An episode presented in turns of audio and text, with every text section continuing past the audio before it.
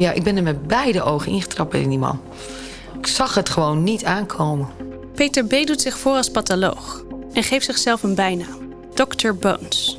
Op zijn visitekaartje staat: I open corpses to close cases. Toen, had ik echt, uh, toen dacht ik echt van die man die gaat echt over lijken. Dat is echt letterlijk in dit vak, maar hij gaat echt over lijken. A forensic pathologist trained for over 13 years. 13 years! And he got a certificate off the internet. That's disgusting.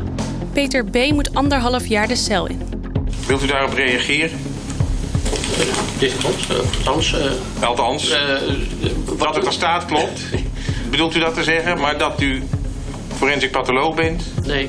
Dat klopt niet. Dit is niet de eerste keer dat Peter liegt. Bij ons zat hij de wildste verhalen. Dat hij de beveiliger van de koningin was. Uh, hij vertelt ook een militaire. En, uh... Die militair was? Dit is een podcast over een serieleugenaar. Over bedrog, vertrouwen en je beter voordoen dan je bent.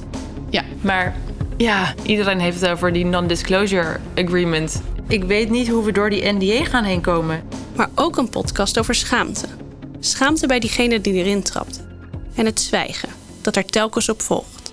In deze podcast gaan Michelle Salomons en ik, Hansje van de Beek, op zoek naar hoe Dr. Bones alles en iedereen wist op te lichten. Luister de podcast vanaf 17 september in je favoriete podcast-app.